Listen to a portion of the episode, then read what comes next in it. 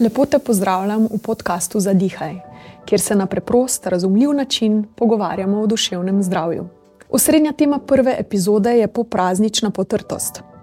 Moje ime je Katja in danes se o tej in o mnogih drugih temah pogovarjam z Davidom Zupančičem, zdravnikom, pisateljem in avtorjem priljubljenega podcasta Umetnost lenarjenja.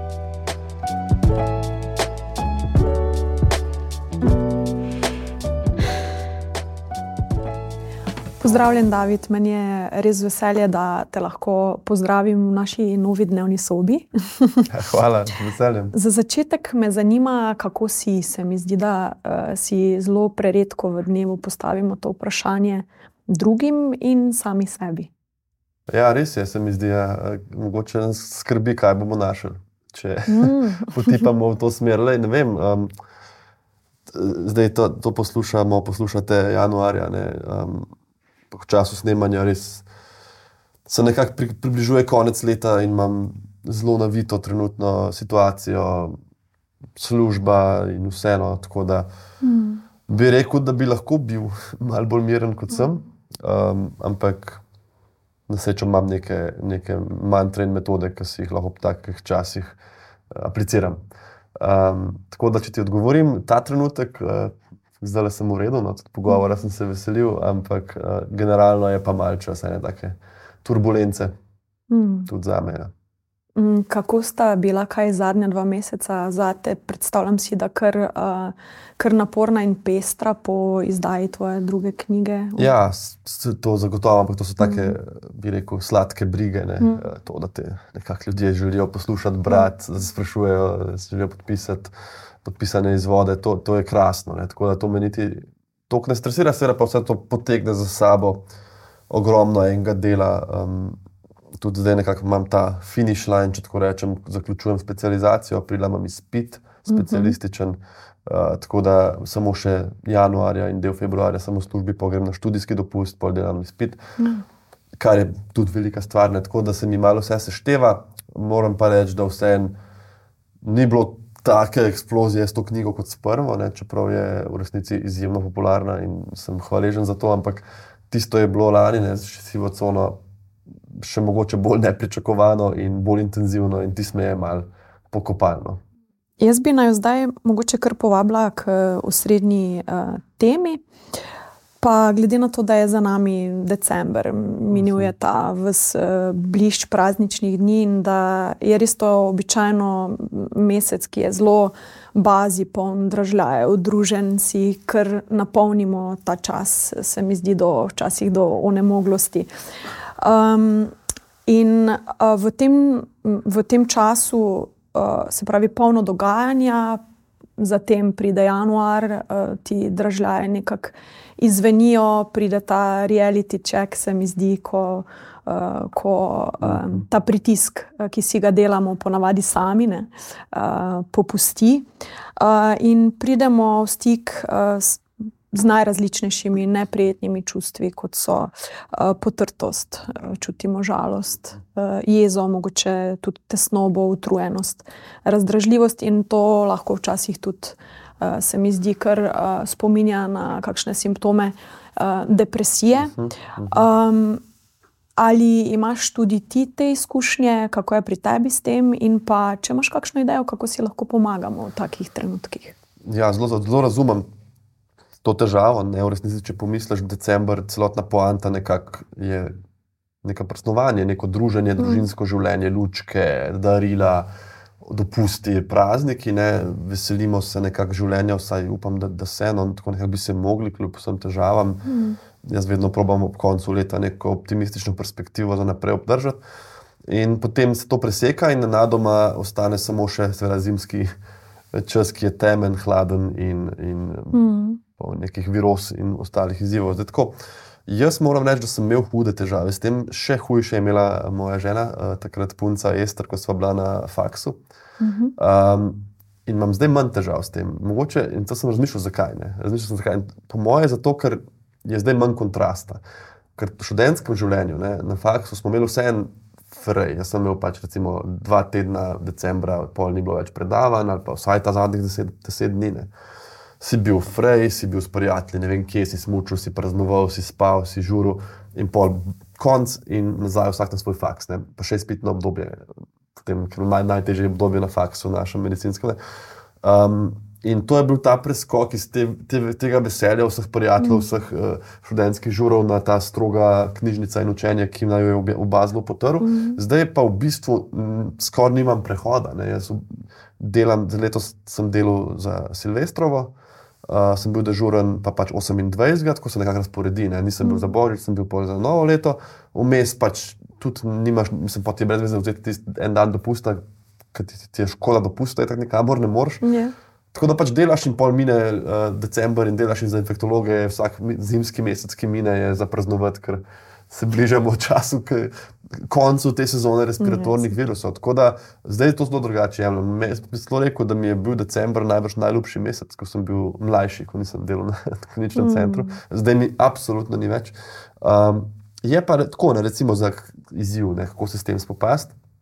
Kar sem videl, da delaš takrat in kar svetujem vsakmu, je, da si najde neko stvar v mesecu januarju, ki se je bo zelo veselil in ki ga bo zelo zabavala, ali pa sprostila, ali pa veselila. Um, ker ponavadi, kaj še naredimo, na vse to, kar smo rekli, si nacepimo še neko no, novoletno rezolucijo, mm -hmm. da s mhm. prvim, prvim pa grem nujno v fitness, čeprav še nikoli nisem bil, pa ga sovražim, ampak grem jaz delati 10 km ne, in, in počepe delati. In pol na, to, na ta mrz, na to temo, greš ti pol še se cilj v nekaj, kar ti ne paše. Tako da Milo, recimo, ima zdaj že ne 5-6 let, lani smo spustili to tradicijo zaradi otroka. Smo imeli neko tradicijo, da smo pogledali vse tri gospodarje prstanov tekom januarja. Film, ki oba okay. zelo obožujeva, mm. razdeliva si jih, ker smo stara, nad 30 in težko vidva en film, tri urni, ne da bi se spala, ne, čeprav je gospodar prstanov. Ampak vseeno, recimo v sedmih večerjih smo pogledali vse tri gospodarje in to sem imela, jaz rekla, da je konc je lučk, ni več tega, ne, ampak zelo začneva gledati, um, ker je končno januar. Ne, in poti to nekako, ali pa si rečeš, ne vem, zdaj sem pa že toliko časa gledam tisto neko. Nek tečaj kuhanja, pa mm. si ga nisem privoščil, evo, januarja si bom vzel, če, če me to veseli. Se pravi, da je nekaj, kar boš rekel, konc praznikov je, ampak to me pa čaka. Ne? Ali pa neka knjiga, ki si jo želel brati, pa si, si jo mm. odlašal. Ne? Se pravi, na nek način si sam osmisliš uh, uh, ta mesec in ta prehod, in mogoče te novoletne zaobljube mičkem bolj v izi vzameš za prvih par tednov. Uh -huh. um, razmišljam, če bi lahko bil. Se pravi, če bi lahko bila ta praznina, ki nastane tudi neka priložnost za, za kaj več, se pravi, da najprej občutimo, naredimo nek, se pravi, kot nekaj običajnega, kar pride po teh praznikih, da naredimo prostor za kaj več, se pravi, da se mogoče vem, posvetimo sebi, eh, malo pogledamo vase, mogoče prostor za kakšne uvide, uh, da smo bližje sebi, razmišljam. Sej, mhm. to se mi zdi, da je dejansko že, že ta konec leta malo sproži take refleksije, velikrat. Um, o družini, o odnosih, se tudi veliko ljudi recimo, ne uživa praznike na tak način kot jaz. Ne, tudi, če, če imaš, stiske, ki niso dovolj finančne, lahko so pač mm. v odnosih, um, težke razmere doma in v službi. In, in se mi zdi, da se veliko ljudi ob koncu leta vpraša, ali živim življenje, ki ga želim živeti. Mm. A mi to pomaga, a mi ne. Zdaj, seveda, to so lahko težka vprašanja, ker ti redko, redko kdo bo šel brez nekega svetovanja in podpore iz tako težkega vprašanja v neko produktivno rešitev. Mm -hmm. ne da bo rekel, ja, mi pa res ni všeč moj odnos, to, zdaj bom pa to rešil in se sam rešil. Mm. Odvisno od teže tega, ne, če nekaj prepoznaš, ljudje smo zelo, zelo socialna bitja, ne, super, da se s kom navežeš, če imaš možnost pogovora. Um, jaz bi celo rekel, da mogoče za taka vprašanja o življenju, o smislu, o, moj, o meni, je boljš se vprašati, ko si malo bolj miren, pa sproščen. Zdaj, če je januar res ta čas spremembe pritiska hladnega vremena, ki je temno, in nekih, kot se je rekla sama, ne, nekih možnosti za razvoj depresije, tudi uh, sezonske in tako. Mm -hmm. V tem primeru mogoče ne zdaj še neke ontološke ne, uh, misterije razvozlavati, ampak premakniti mogoče bolj proti, proti pomladi. Mm. Uh, ok, um, zdaj že prej si načel temo teh uh, novoletnih uh, zaobljub. Uh, jaz bi jih skoraj raje poimenovala namere. Aha. Uh, obljube sebi so lahko včasih zelo prazne, ne, se mi zdi. Ja. Um, kako si ti kaj s tem? A si si kaj zastavljal te novoletne za obljube? Prej si omenil fitness, pa me zanima, je po, to bilo po svoji izkušnji. Um, sem v življenju že večkrat si rekel, recimo, z novim letom nekaj začne. Veliko se je to navezvalo na faks. ne. Pač mi smo imeli januar, februar izpitno obdobje in jaz sem si zelo vedno računal, koliko strani je za prebrati, koliko dni rabim, ker se nikoli nisem želel učiti, recimo zvečer po noči, po sedmi uri zvečer se jaz nikoli nisem učil in tako. In veliko je bilo to v smislu, evo, tretji, prvi, začnem študij. Ne? Se pravi, do takrat recimo, uh -huh. imam še drugega frej, ne bom šel še učil in to. In s tem sem si razbremenil tudi, v bistvu, nekako do, dopust. Ne? Se tudi nekdo, ki recimo želi shujšati. In pa probi shujšati decembra, ne? ko kamorkoli greš, ti nekdo nekaj ponudi, pa imaš eh, to, pa pi, pa da je, pa vse ne, težko greš v center, ne da bi pač kaj prigriznil, sploh če vsi okoli tebe si še kaj naročijo.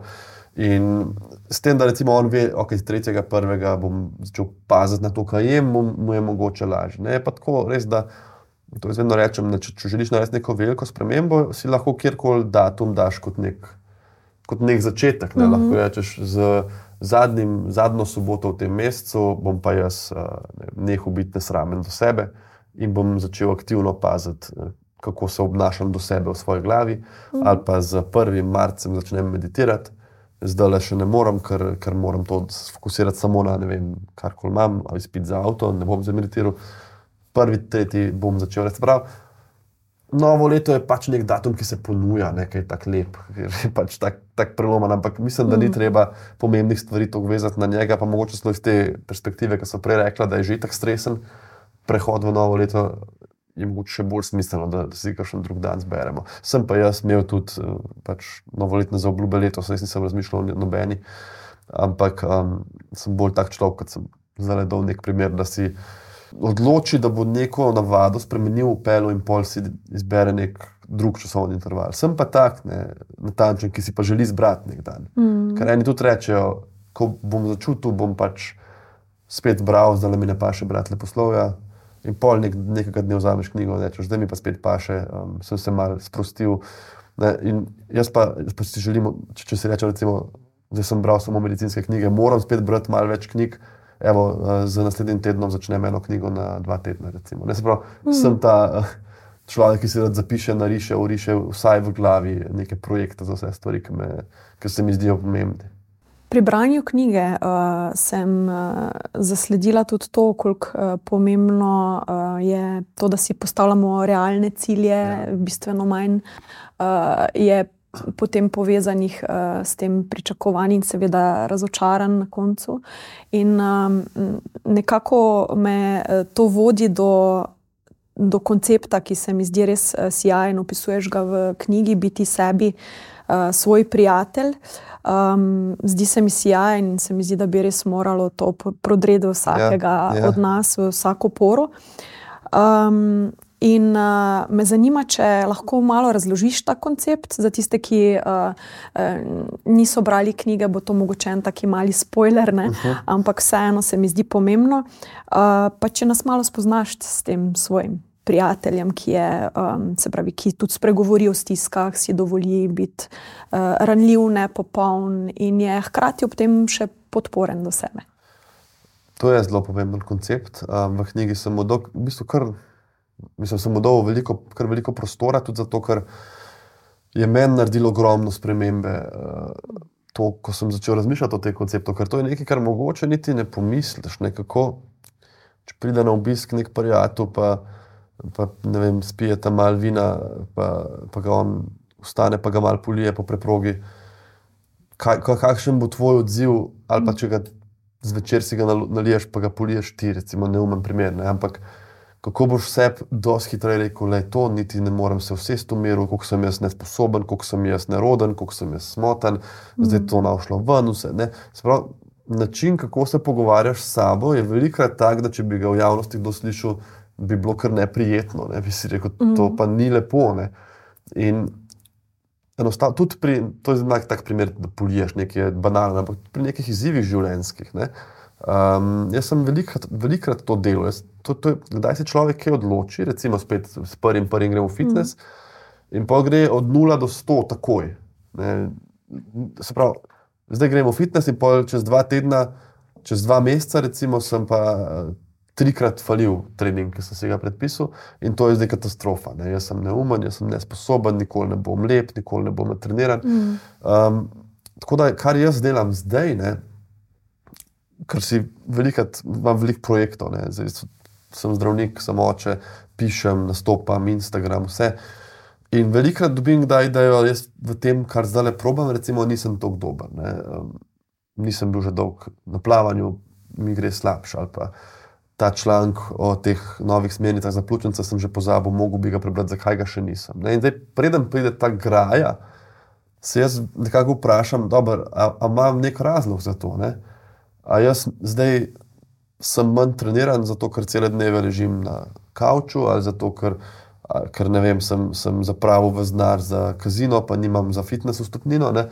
A sem res lahko jezen na se, ali je neka druga razlaga? Ne? Zdaj, če sem jaz dobil 4-5 kil, ampak sem zato več svojih črkov po službi, namesto da grem laufat.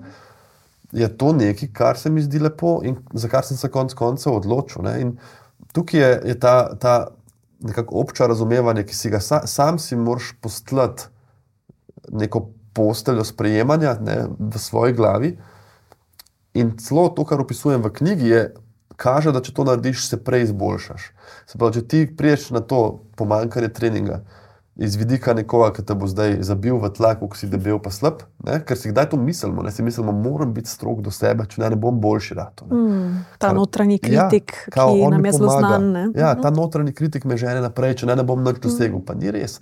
Študije te psihološke, ki jih citiram, kažejo, da to, da ti na svoje izzive pristopiš z neko empatijo, pa, pa z odprtostjo, ti bo dal nek prostor varnosti, da se izboljšaš. Ne? Si bom rekel, lej, res zdaj plavam počasneje, ne, ne vem, eh, začel sem se rediti, nimam kondicije, po stopnicah grem teži.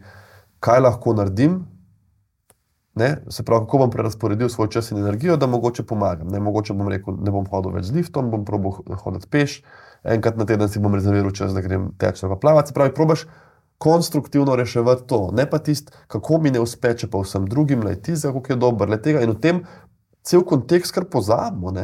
Jaz, takrat, ko sem, si- ko sem se kregel, kako jaz ne, vem, ne morem več dvigati toliko uteži, kot sem prej, takrat pozabiš, da si napisal knjigo, da delaš doktorat, da, da dežuraš, da imaš hčerko. Da, takrat to vse spustiš, ti se sam kregaš in se spravljaš v nič.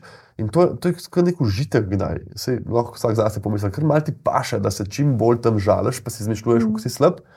Tudi če te kdo začne to lažeti, to ti je še bolj, ko pa govoriš, ne, pa ne, jaz sem katastrofa, to, to. Nekako Koliko nam je to znano, to je meni ja, fascinantno. Ni, no, to je ne. tako, Ja, ena ja, stvar, ki ja. se lahko vsak malo poveže. Ne? In Pol pa pomisliš, če bi en za tabo hodil, tako ko greš po svetu, pa bi ti to govoril, bi ga skenil v sekundi, ne bi rekel, zgin, nočem te videti. Če si pa sam do sebe tak, pa misliš, da te bo to motiviralo. ne? Tle je treba sam ta shift narediti ko to enkrat narediš, je to lažje. ne. Ta notranji glas lahko obrneš, da je tvoj najboljši friend postane. ne. Ja, mislim, ta koncept se mi zdi res super. Uh, govoril si uh, o tem shiftu, uh, ki je zelo pomemben. Kdaj si ga bil zmožen narediti, ker se mi zdi, da imaš zelo dobro razvit ta opazujoči del sebe, da, da, da vidiš uh, in da se znaš sabo pogovarjati notranje, mogoče v nekem ja. smislu, čeprav mogoče zveni čudno. Ne, ampak, uh, To je, ne znam dati tako, da bi dal en dan ali pa en trenutek, ne, ko se je to mm. -hmm. zgodilo. Enostavno enkrat tekom teh raziskav čuječnosti in vsega sem mm. -hmm. prišel do, do, te misli. Ne spomnim se niti zdaj, kje točno sem to prebral. Ne, ker nekje sem to prebral, točno ta koncept prijatelja do sebe. Ne, Mhm. In se spomnim, še to, ne spomnim se, kje pa kdaj, ampak spomnim se, kako mi je bilo pa to takrat čisto noro, inovativna misel, mm. da ne bi nikoli prej pomislil. Ne. Kot da bi ti en rekel, ne vem, lahko pišeš tudi z levo roko, pa bi prav, pa bi rekel, uf, lahko ne. Se pravi, kar naenkrat sem prebral, zakaj se ne bi podpiral in nehal sam sebe dajati v nič. Sem bil tako pismo, pa jaz to res delam. Ne. Jaz sem do sebe tako strok, da do nobenega prijatelja, do staršev, do žene, do nobenega nisem tako strok kot do sebe. In pol, um, kar mi je dodatno pomagalo, so te raziskave, ki jih pišem v knjigi, ki ti pol pokažejo, da lahko si prijazen do sebe in ne Mhm. pomeni, da ti ne bo nič rata. Ne pomeni, da bom jaz rekel, sprejemam svoje pomankljivosti in bom rekel, ha, pa, pa super, pa bom ležal cel dan, ne bom šel v službo. Mm. To ni tak odziv. Um, zdaj, kdaj pa se ti to zgodi, pa več ko vadiš, lažje ti ta dialog pride. Mm. Vse to, kar misliš, postane tvoja resnica. Mm. Če se ti vsak dan pripričuješ, da ti ne bo uspel, pol ti pač ne bo uspel. Ne? Um, pa imaš pa nekoga, nek Martin Strel, ki se odloči, da bo pripravil Amazonko. In če bi pogledali čisto statistično, pa pač neko biološko verjetnost, bi rekel, ne, ne boš. Ne. Mislim, kako boš preplavil Amazonko. Pa on reče, ja, jaz sem se odločil, jaz bi jo, jaz bi jo rad preplavil. Ne. In jo preplava. Tako da zdaj, um, če bi nekdo bo rekel, to je nemogoče, ampak bom probil, jaz dvomim, da bi temu človeku mm -hmm. rata, da te tam piranje žrejo, ti pa plavaš naprej. Ja, in, in, in zdaj ta, ta miselnost je tako močna, da, da je noro. Ja, se mi je tudi porodila misel, da je to povezano s prakso čuječnosti. Ne. Zagotovo lahko na tak način ja, razvijaš čuječnost. Ta, tukaj še ena, še ena zelo pomembna, njih pri tem je čuječnost, je pomembno to, da, da opaziš, da se to sploh dogaja. Mm, ker čuječnost trenira pozornost. Vse to, ta opazujoči Tako, del, ne, ki ga. Da ti lahko rečeš, aha, to je pa un glas, ki sem zdaj ga opazil, ne, ki mi teži. In ki mi ne prinaša veselja, in ki mm. mi ne mm. prinaša sprostitve, in ki me zmeraj znova spravlja v stres. Mm. Tega glasa, glasa ne bom poslušal. Ne?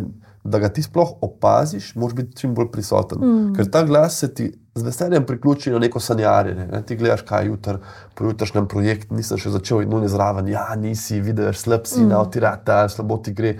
In to ti kar nekako sprejmeš, to so zdaj moje misli in to je moja resničnost. S čuječnostjo se pa ne treniraš, da rečeš, ah, čakaj, to je un glas, ki je tukaj nekje in ne pomeni, da ima prav. Mm. In en, uh, tako dobro uvidje, recimo, ne? To, ko dojameš, da je ta glas samo v tvoji glavi. Ker če tako pomisliš, ti kot ti reče ta glas, ne bo ti rad premalo časa, imaš, se ti zdi, da je to resničnost tega sveta. Hmm. Da vsi v tej sobi zdaj vejo, da imam jaz premalo časa in da mi ne bo rad, ker to je, da bi rekel, ne vem, gravitacija obstaja, drevo je zeleno. Hmm. Pa pa pomisliš, ni, ne? to je misel v moji glavi, ki se je sprožila v nekih žučnih povezavah, dobesedno žučnih, uh, in je nekaj rekla. Ne? Pravi, to ne pomeni, da fizično ni časa na tem svetu, da jaz končam projekt, ne pomeni karkoli meni. In ko narediš to ločnico, pa lahko ti zglas nekako ignoriraš, če, če že ne potlačiš. Ne. In hkrati, ne, tu na koncu sem slišala, da znamo razlikovati sebe od svojega vedenja. Ne. Ja.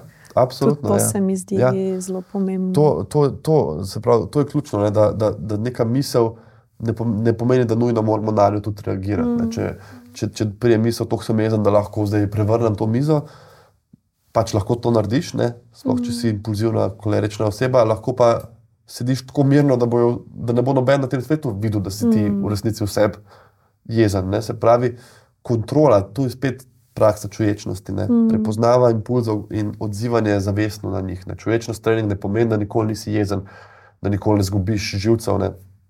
Jaz sem imel krasen podcast pogovor s Saro Isakovič vlazno čuječa, krasna mm. psihologinja uh, in je rekla, da ona ni vedela, da zna kričati, dokler ni dobila otroka. Pa se mhm. tako, mogoče komu, ki ni star, zdi kontraintuitivno, se njega imaš pa ja najbolj rad na svetu. Ampak jaz to razumem, to, ki jo razumem, te frustracije, ki pridejo iz tega, da je neko bitje, ki pa nima razvidega ne, prefrontalnega režna in sili nekam, čeprav mu tisočkrat rečeš, da ne, povsem na uno cesto steče. Ne, te frustracije so ogromne mm. in ti si lahko največji menih, pa boš kdaj se zadrl, pa boš zgubil živce. Se pravi, gre pri človečnosti samo za opazovanje, pa potem odziv na to, kar mm. se je zgodilo. Ker tudi na to se lahko pol odziv pride, jaz sem slab starš. Seveda. Jaz ne bi smel imeti ja. otrok, jaz sem se zadrl, to mm. noben, ki je normalen, ne bi. Se pravi, skladno s temi prepričanji, Tako. ki jih imamo ne, v Tako. zvezi z jezo, agresijo, ki je lahko včasih zelo koristna v tem primeru. Ja, v govoriš tem, o otroku, ki če, je v nevarnosti. Če ne. se zadereš, pa on ne bo stopil na cesti zaradi mm. tega, super. Mm. Lahko si pa ponudiš na mestu te, tega eh, spektra, si lahko rečeš pa. Ja, težko mi je, ne prespan sem, slabo spim, trudim se, ni mi vse, najbolj ga imam rad. In vsi, vsi, vsem se to kdaj dogaja, ne se pa ta čuječa obravnava, mm. um, odziv na mesto reakcije. Ne. Kje si se uh, učil veščin čuječnosti? Uh, jaz poznam to iz uh, spletnega tečaja mhm. Društva uh -huh. za razvijanje ja. čuječnosti in bi ga res priporočila. Uh -huh. no, um, je bilo zelo, zelo fino se s tem uh, spoznati. Uh, Kje si se ti našel s to temo? Vidiš, zanimivo, jaz nikoli nisem dejansko v Sloveniji na noben tak tečaj šel. Um, začel sem s knjigami. No? Uh mhm. -huh. Malo zanimivo. No? Začel sem brati dve knjigi o meditaciji, hkrati. Um, pa sem pa naredil spet Slovenski, oprosti? Uh, ja, ta, en je, ena je prevedena, najdi v sebi. Aha. Search Inside Yourself je, je naslov, to je en uh, strojnik iz Google napisal, ali, elekt- ali računalničar. No. In je krasno na- napisan, ker je on tak mal socially awkward, uh, skeptik, naravoslovec, matematik, ki se je probo emocionalno inteligenco in meditacijo učiti in je tako tudi napisan. So najdi v sebi ali pa Search Inside Yourself zelo priporočam. Druga je bila pa 8 Minute Meditation, to je pa Viktor Davič, kjer imaš pa 8 tednov, vsak teden malo drugačno meditacijo in 8 minut na dan. To sem začel delati, nekako mi je zelo pomagal. Pa sem pa tudi naredil 8-tedenski tečaj čuječnosti, ampak jaz sem pa delal ta Palos Mindfulness, um, je pa, je pa angliški. No. Um, in mi je bil pol, tam sem v bistvu največ zvedel. Ne. Sicer tiste tudi bolj, pol, nekako, um, bolj se zavežeš, ne, ker je časovno, recimo enkrat na teden imaš eno uro približno predavanj, pa pa 20 minut na dan vaje, pa je drug teden spet eno uro, 20 uh -huh. minut na dan vaje. Sprav, ta tečaj je oblikoval John Kabat-Zinn, en molekularni biolog uh, iz Massachusettsa. Um, in ima večinoma iste koncepte. En teden je yoga, en teden je vem, telo, to, in, uh -huh. in potem pač to vadiš.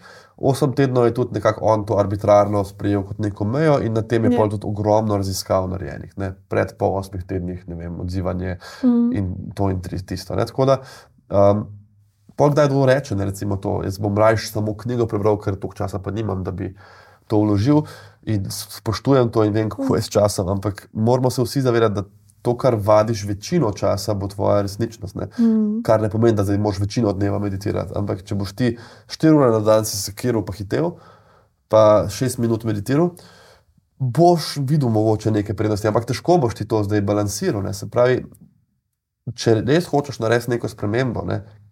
moraš dati nek čas v to. Ne? In jaz sem takrat pač imel tudi več težav, kar me je motiviralo, da sem dal ta čas v, da sem mogel spati in, in tako. Mm.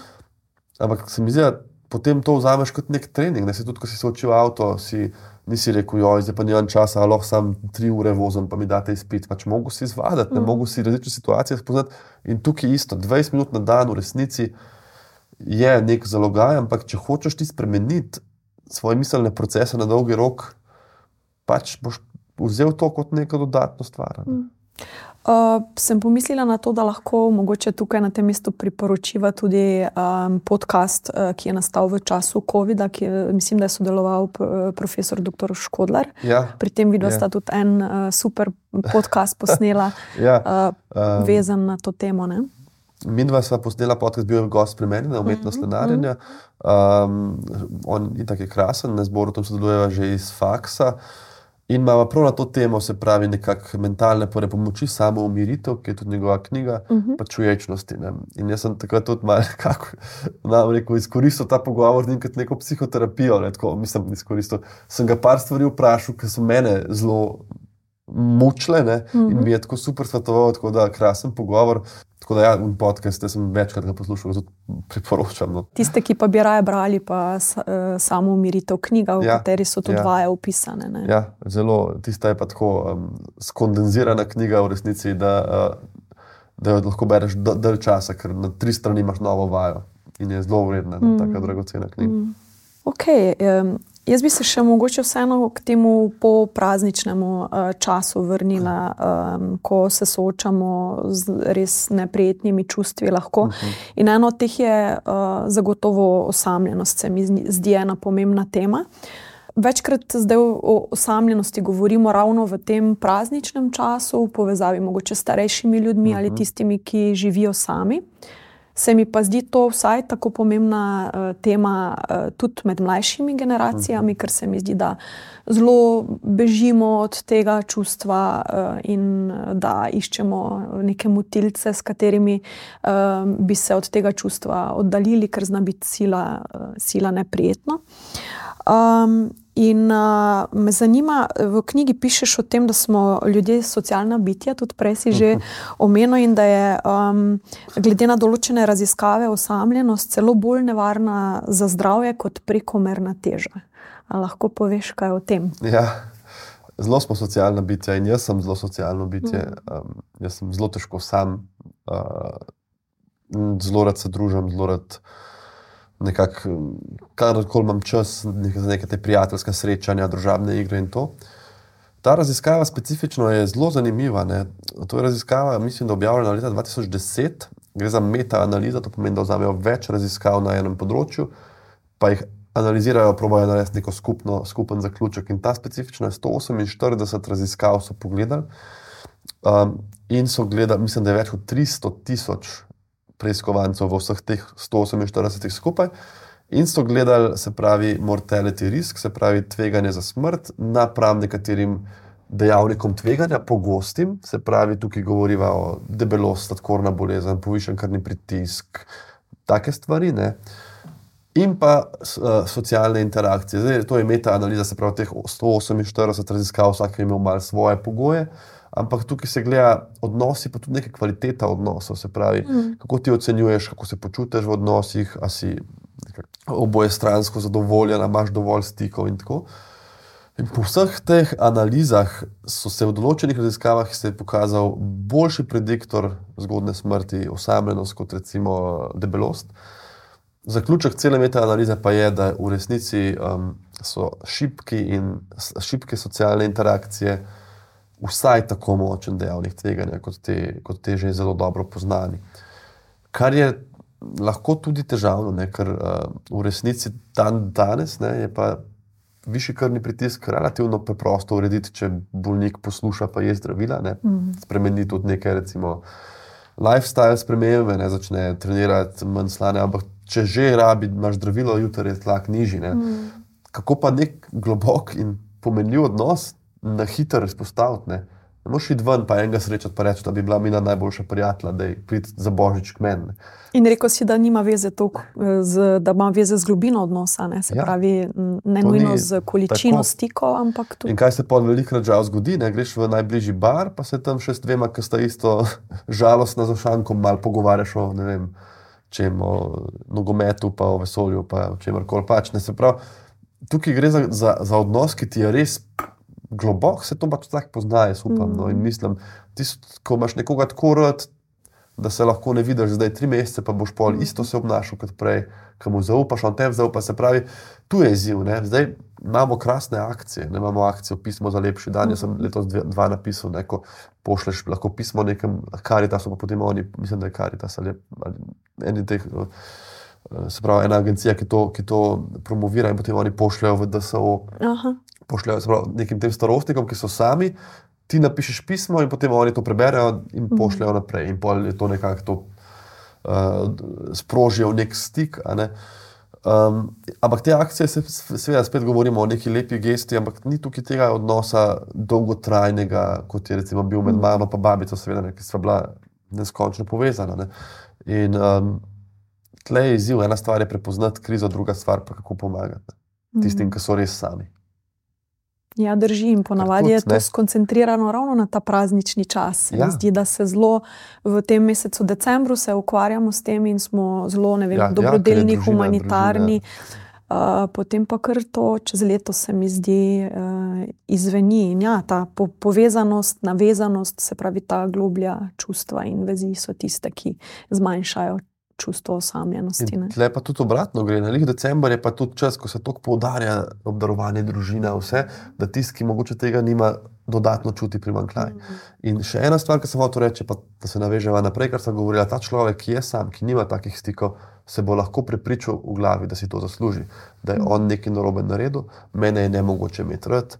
Jaz ne morem fizično se navezati na nobenega, se, no, nihče se ne more na mene, mm. gledaj, ona je šla, on je šel, ona je šla, njega nimam več in si pač delaš te cikle spet s tem groznim glasom mm. v glavi. Mm. In če si ti tle ponudiš neko uteho, rečeš, jaz sem sposoben ljubezni in sposoben sem se z nekom navezati in sem ureden mm. tega, da me ima nekdo rad, mm. boš lažje našel, uh, konc konca, ne morem reči, ljubezen svojega življenja, zdaj, ampak vsaj neke prijatelje, ki, ki, ki, ki bodo čutili, pač, da si dobra oseba. Ne? Ja, zelo močno to, kar si povedal. Ja. Um, jaz bi šla mogoče še na to obdobje. Pri, uh, pri uh, svojih 22 letih si uh, doživljal močno stisko zaradi daljše nespečnosti. ja. opisuješ um, doživljanje paničnih napadov, močne anksioznosti. Um, kako si se soočal s tisko um, in kaj je delovalo za te, recimo, takrat? Uh -huh. Tudi to, mogoče, da nisi bil sam. Absolutno, to je bilo, to je bilo noro. Nekako sem jaz, sem eno obdobje, ko, kot, kot, ne vem, po mojem, kot nek dojenček ali otrok. Jaz sem šel spat in sem bil živčen, razbijalo mi je srce, bal sem se.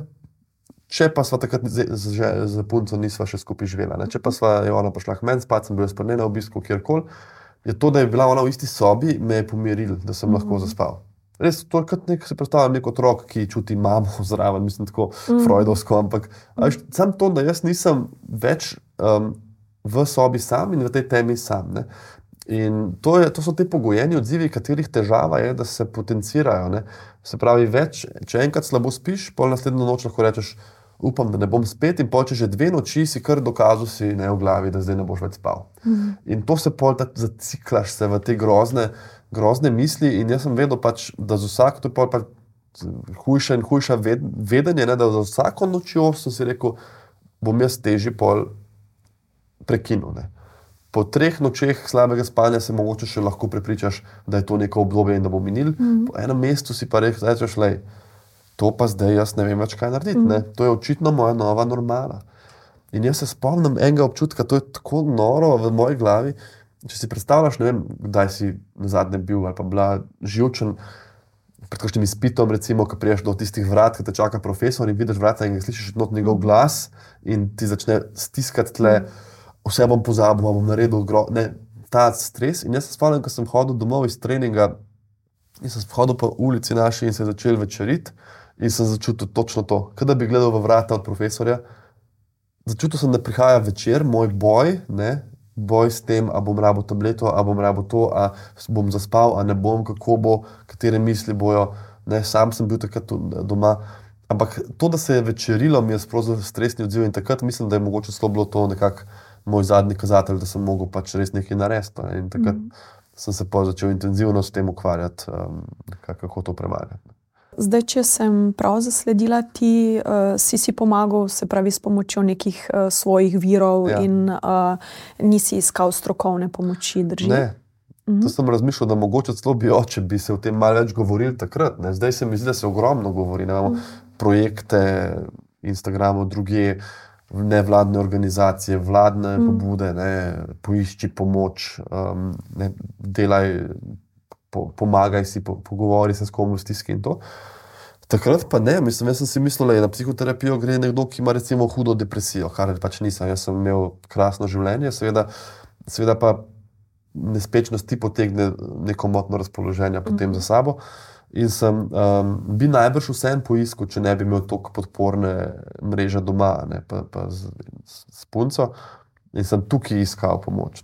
Mm. Je pa to važno, da, ve, da, da veš, ne? in ti, ki pomoč rabiš, da veš, da tvoj partner, tvoj oče, mama niso mm -hmm. psihoterapeuti, razen če so, ampak tudi če so, mogoče boš, da vam kdo drug pomaga. In tudi tisti, ki nudi pomoč, ne? če se na te nekdo obrne in potem s časom se ti zdi, da ne moreš več, da ne veš več, kaj reči, da je njemu stane slabše, da rečeš, le, ful te imam rad, ampak ne znam, ne znam ti pomagati. To, kot če si zlomaš nogo, nisem kirurg, pet še k nekomu. Mm -hmm. In ta mhm družinski član je lahko vezni člen do nekoga, ki, ki ponudi pomoč. In, uh, jaz, na srečo, sem pol, um, se stabiliziral s pomočjo družine za toliko časa, da sem prebral vse te knjige, naredil vse te seminarje, začel meditirati. Mm. Meditacija, ta vaja me je blazno pomirila, kdaj sem meditiral ob enih po noči, ker nisem mogel spati, sem si dal pač slušalke. Deset minut video, po sedmih minutah sem čutil mir in sem ga mm. samo umaknil in sem pač ležal naprej. Nisem takoj zaspal, ampak sem nekako imel občutek miru in nekako sem sprejel svojo situacijo. Ne? In to je celo najbolj ključno, se mi zdi pri nespečnosti. Ne? Čuječnost s časom začneš dosti bolj spati, ampak na začetku to, da začneš sprejemati to situacijo. Mm. Jaz sem si samo govoril, zakaj ne morem spati, zakaj ne. Zakaj ne spim že eno uro? Če bi eno uro spal, bi bilo vse v redu, ker jutri bo pol vse v redu, ne? zdaj pa ni v redu. In ko enkrat vadaš, ko si dovolj čuječ, si pa rečeš, le, moja realnost je zdaj taka, bedim, najbrž z 30 milijoni ljudi na svetu ali pa v Evropi, ne? zdaj skupaj pač bedimo. Ne? In mogoče jutri ne bom bedel, mogoče čez dve minuti ne bom bedel, ampak to, kar se zdaj dogaja, se dogaja. Ne? Ne, mm. nekdo ima nekje epileptičen napad, nekdo ima migreno, nekdo ima depresijo, nekdo krasno spi, moja situacija je pa pač ne taka. Ne. In to sprejetje je prvi korak, pol, da se um, izboljšaš, in to so nekako vse te koncepte in, in to moja pot sem skušal pač popisati tudi v, v svoji drugi knjigi, ne, ki je tudi meni na koncu pomagala, ne, to, da sem si te misli uredil. Mm. Uh, omenil si meditacijo in umiritev, da ti je uspelo s pomočjo tega se umiriti. Uh, me pa vseeno zanima, ker ko sem začela jaz to prakticirati, pač veliko krat prideš v stik tudi m, z neprijetnimi čustvi. Se pravi, uh, ni nujno, da meditacija vodi v umiritev, pomiritev. Imáš tudi to izkušnjo, mogoče, in ja. kako si potem ravnal s tem? Ja, um, to ti treba vedeti, ja, meditacija te veliko krat pomiri, že sam ta točka s to spremljanjem dihanja, ampak v osnovi pa ni sprostitvena tehnika, ne, to mm -hmm. ni mhm. avtogeni trening, ki, kjer poskušaš prav sprostiti mišice preko mm -hmm. misli. In je treba vedeti, da pač včasih ne, se boš ti ustavil prvič v dnevu in boš med meditacijo se tako prizemljil, da bojo prišle neke misli, ki jih prej niti nisi razmišljal, boš začutil neko bolečino, ki je prej nisi, kar je vse dobro. Ampak enostavno um, moš to sprejeti kot meni super citat Viktor Davič, ta avtor 8 Minute Meditation, ki sem jo omenil prej, mm -hmm. rekel.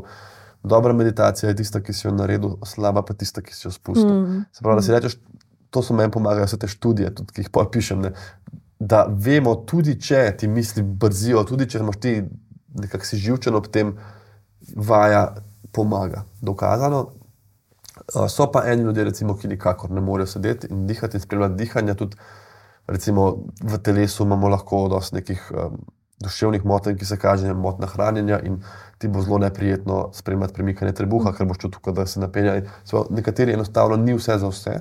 Takrat je mogoče fajn delati v skupini, na kakšnem tečaju mm -hmm. z, z terapeutom ali pa čist zamenjati, pa recimo iti uh, hoditi. Ne obstaja vaja čuječnosti med hojo, mm -hmm. med izvajanjem joge. Um, Tako da, ja, ni treba zdaj vsem reči, da je nujno, da te pomirim, pa če ga enkrat ne bo, bo rekel, to meni ne deluje. Uh, pa fajn je, da imaš nekoga, ki ga lahko vprašaš za nasvet. Ne? Ali neki ti spletni tečaji, to društvo človečnosti, karkoli, ne? da, da ti nekdo reče, delaš v redu, lahko to probaš, to spremeni in tako naprej. Naslednje bi bilo, recimo, po pogovoru s kolegi uh, psihoterapeuti, večkrat uh, ugotavljamo, da se mlajše generacije odločajo za uh, proces psihoterapije. Uh, da prihajajo s takimi dost eksistencialnimi uh, vprašanji in uh, jim povzročajo stisko, uh, najrazličnejše uh, stiske, veliko se prej sprašujejo. In um, me zanima, uh, kako je bilo v tvojih 20 uh, in pa zdaj 30 plus leti. Um, eh, Tvoje vprašanja, tvoje dileme, izzivi. Ja, mislim, da če se v 20-ih ne sprašuješ eksistencialnih eh, vprašanj, je nekaj narobe, oziroma ne vem, kaj se sprašuješ polno. Mm -hmm. Mislim, to, takrat se vse odpre, mm -hmm. se pravi, druži, možnosti, partner, družina, karijera, napredek, eh, moj, moje zdravje. Ne, se pravi, kar naenkrat se ti svet odpira, ne, nisi več doma v svoji sobi, pa greš dol pojesti, pa naprej se gori grot ali karkoli delaš. Ne, se pravi. Mm -hmm. Je pa tako, da verjamem, da je zdaj več stisk, kot je bilo. Ne? Ko sem bil jaz star 20, se ni govorilo toliko o tem globalnem segrevanju in o vseh mm. katastrofah. Mm. Ni bilo mogoče tako izrazite, recimo ta, ta vojna v Evropi, um, potem COVID in vso ekonomsko krizo, ki je naredila, inflacija, težji krediti, vse. To se nič ni takrat dogovarjalo. V resnici se mi je zdelo tudi zdravstvo, če vprašaš, od nekdaj smo imeli težave. To, ampak mm. take težave, ne, da bi skozi članki ljudje odhajajo, ne vem, čakalne vrste, čakalnice, urgence, ni prostora, ljudje na hodniku. Pač ni bilo toliko pritiska. Ne. Zdaj nek mlad človek bo soočen z vsem tem, ne, tako da si predstavljam, da je to težje. Ker nihče ti pa na drugi strani ne predstavlja teh vseh lepih stvari, ki se pa tudi dogajajo. Mm. Ne, vseh ljudi, ki prostovoljno pomagajo, vseh mm. služb, in, ki se odpirajo, nove tehnologije, možnost študija v tujini, Evropa ni bila še nikoli tako povezana. Ker o tem se ne piše to, ker ni tako zanimivo za brat. Mm. Mislim, da tle je, je čist prav, da, da se ti mladi ljudje mali poiščejo neko zavetje. In mene je zelo pretreslo, ko je na enem knjižnem dogodku me vprašala, ena, rekla, roka, rekla, da je študentka medicine. In je vprašala, kako naj ona prepreči izgorelost, še preden je sploh začela delati, ker jo že utrujajo branje teh člankov in komentarjev, je tako utruja, mm. da je že zdaj skoraj izgubila veselje do dela, čeprav še ni začela. Mm. Um, in to so važne vprašanja, in to se mi zdi, se mi zdi tako pretresljivo, da je ta zgolj en mlad, sposoben človek vpraša. In tukaj pa mogoče naslednji korak, da smo kot družba začeli blazno govoriti o, o stresu, mentalnem zdravju, mogoče začnemo naslednji korak govoriti o kakšnih dobrih novicah, pa, pa, pa, pa mm. lepih stvarih, ne samo težavah. Omenil si kolegico, eh, študentko medicine. Eh, tudi jaz se spomnim eh, enega mlajšega tvojega kolega na enem knjižnem dogodku s podobnim vprašanjem, ne? kako naj se zdaj mi optimistično podamo na ja. pot tega poklica. In se mi zdi, da si jim res um, ja, dal eno tako ja. čudovito misel uh, na pot, ki je bila zelo podobna tej. Se mi zdi uh, pomembno. Um, hkrati je zdravniški uh, poklic pač ne, neizogibno povezan ne, z tem, soočate se s tragičnimi situacijami, uh, izgubami, neuspehom, večkrat verjetno tudi z občutkom nemoči. Ja. Vas, kaj pripravijo na to med uh, študijem, oziroma kako si potem pomagati sam? Ja, pripravijo tako, no, bolj z prakso. Ne. Imaš vaje, veliko si na oddelkih si prisoten v kakšnem takem pogovoru, sicer ne veliko krat, ne, mm -hmm. pač, to so taki pogovori, ki so bolj intimni.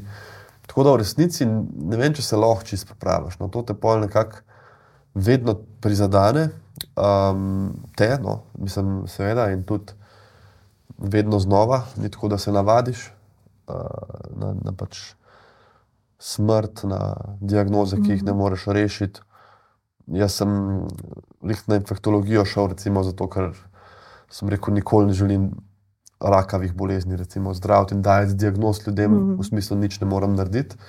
Infektologi, infektologi tudi izgubimo pacijente, ampak nekako ponovadi se boriš do konca in zdraviš neko pljučnico, in če gre, pač potem včasih ne gre.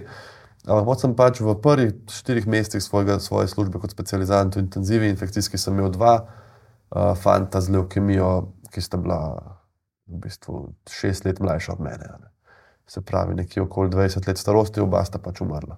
In to ni bila tudi lepa smrt. Pač to, to so take okužbe, kot ti te hudi krvni raki zavrejo imunski sistem, to začnejo vse odpovedovati, glivne okužbe, vse. Ne, tako da um, takrat sem bil.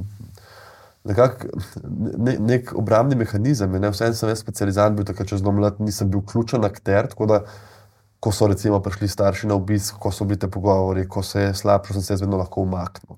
Ne, to mi je bilo tako, da sem rekel, nočem.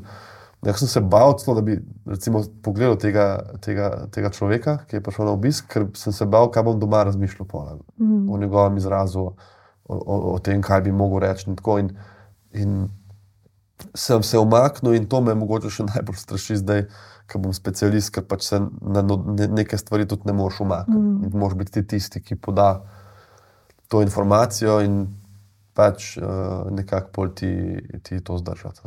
Mm. Uh, je težko, je pa tudi res, da recimo doma, ne pol, ko si doma, pa kdo pa reče, kako pa doma vlečeš za sabo te zgodbe. Se pa po mojem čisto po nekem čisto obrambnem mehanizmu spontano spomniš bolj lepih stvari. No. Tako redko, da ti pride taka zgodba v glavo. Ne. Bolj se spomniš tistih, ki, se, ki so bili v redu, pa je kakšno šalo pa povedala. Pa tako, ne. Nekako se mi zdi, da se da se možgani sami navadijo, da ne bo v redu, če bo zdaj ta spomin na to smrt se ti stalno mhm. predvajal. Ne? In uh, si jim lahko hvaležen za to. Jaz, si, jaz pravim temu obrambam stražarji. Ja, ja. Tako da zagotovo imajo svojo funkcijo in um, nas uh, obvarujejo na nek način ne? in jih je treba ja. spoštovati.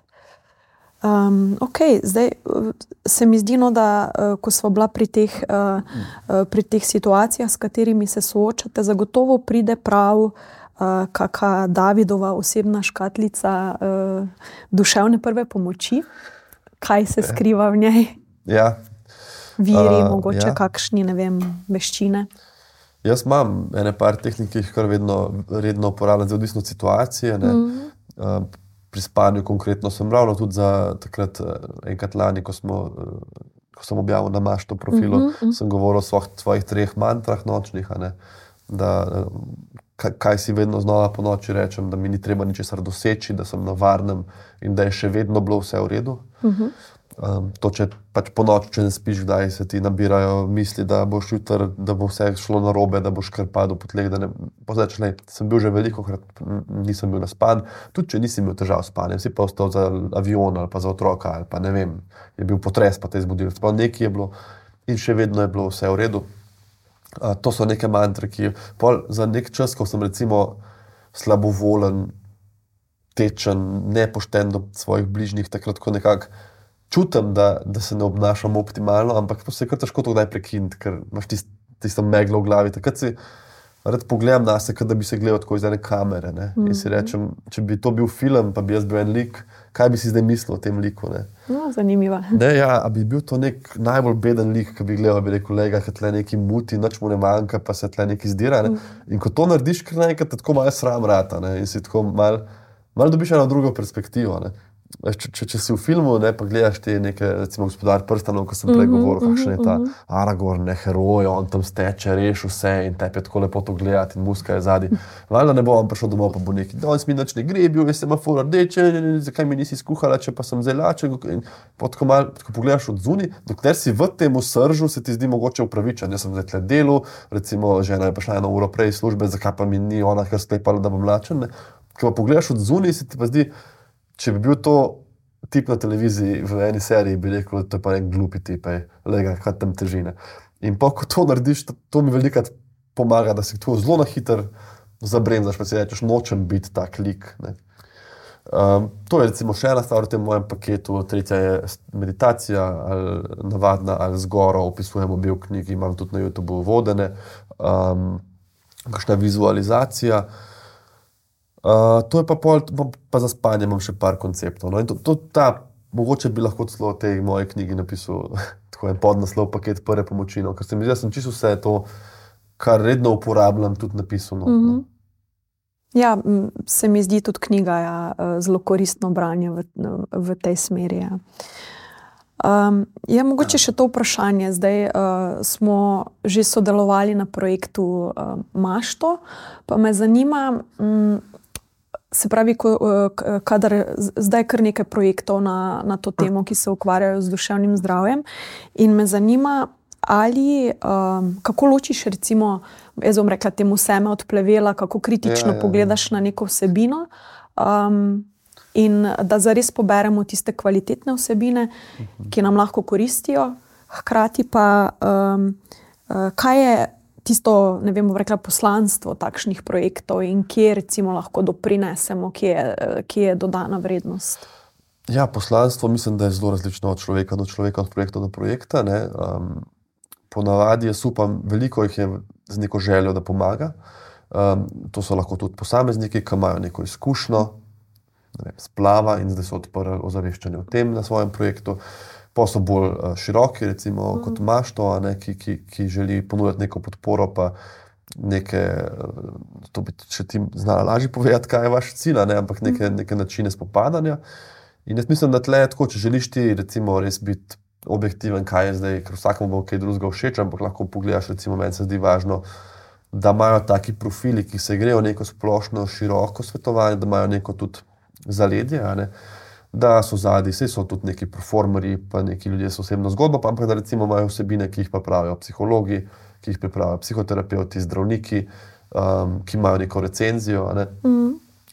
Ena stvar je, seveda, v svetu kapitalizma je pač res, da več, ko ima nek profil, že sledilcev najbrž na nek način pritegne. Ne, če to iščeš, uh, ne pomeni, da so nekateri škodljivi profili zelo popularni. Niso, tudi mm. zelo škodljivi profili so lahko zelo popularni, ampak Če imaš dva profila, ki kažeta nekaj citate o pomiritvi in meditaciji, pa ima en 5000, en pa 500 ljudi za sabo, nekje je pripričal teh 5000 najbrž, da, da je nastal ali prej nastal ali ima boljše vsebine. Ne? Ker zdaj, kaj je stvar Instagrama? Recimo, če gledam na Instagram, ne? tam sem jaz največ izkušen.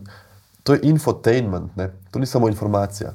Ker jaz lahko predstavim neke podatke o sepsi, o vitaminu D, Ampak te podatke lahko prebereš v člankih, v učbenikih, pa še pri tisočih različnih ljudeh, mm. ki so jih predstavljali. Pravi, tistega boš pa gledal, ki te bo zraven malo nasmejal, ki bo znal na strjen način to povedati, na razumljiv način, na zanimiv način. Ne?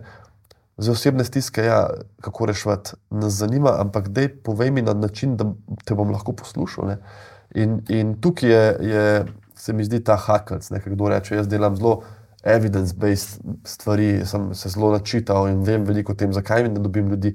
Zato, ker noben ne gre na Instagram študirati. Mm. Študiral boš iz knjige, če te res zanima. Ne boš šel na kongres psihoterapevtski, boš se upisal na faks. Mm. Se pravi, ti greš se sprostiti in če se lahko sprostiš in se še učiš zraven, je to, je to cilj. Ne. Tako da ne vem, če sem odgovoril na vprašanje, ampak na koncu je važno, da najdeš profil, ki te pomaga in ti rezonira in ga z veseljem spremljaš, um, pa pa lahko greš pogledat, če je zadnji tudi znanost. Ne kar se mi zdi zelo pomembno. Mm. In tudi v življenju gremo skozi različne faze, ko nam različne vsebine ustrezajo, eh, tudi ja. Eh, različna globina. In ja.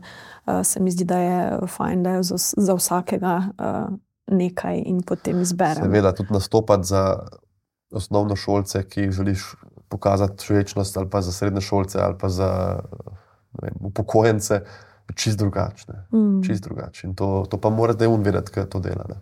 Jaz z otroci imam zelo malo izkušenj. Ne, če bi znal, recimo, če bi rekel, pet na osnovno šolo govoriti o mirnem življenju, jaz hodim po firmah, hodim marsikaj predavam, mm. ampak da bi mi rekel, pet, pet na, zelo grem na šolo, pa imam potopisno predavanje o Zambiji, recimo, to se mi zdi, da bi naredil na zanimiv način, ne, mm -hmm. pokazal slike, videe, ampak zdaj mirno življenje, pa čuječnost, pa to pri taki starosti bi pa skoraj si ne bi upal. No, in tle je fajn, da imaš različne strokovnjake. Ne.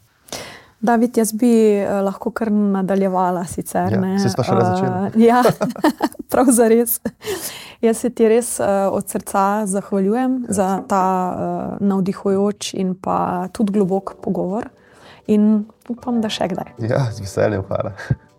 Podcast Zadihaj ustvarjamo z namenom, da vzameš od tega kaj koristnega zase. Upam, da je bilo danes tega kar največ in te vabim, da se nam pridružiš v naslednji epizodi.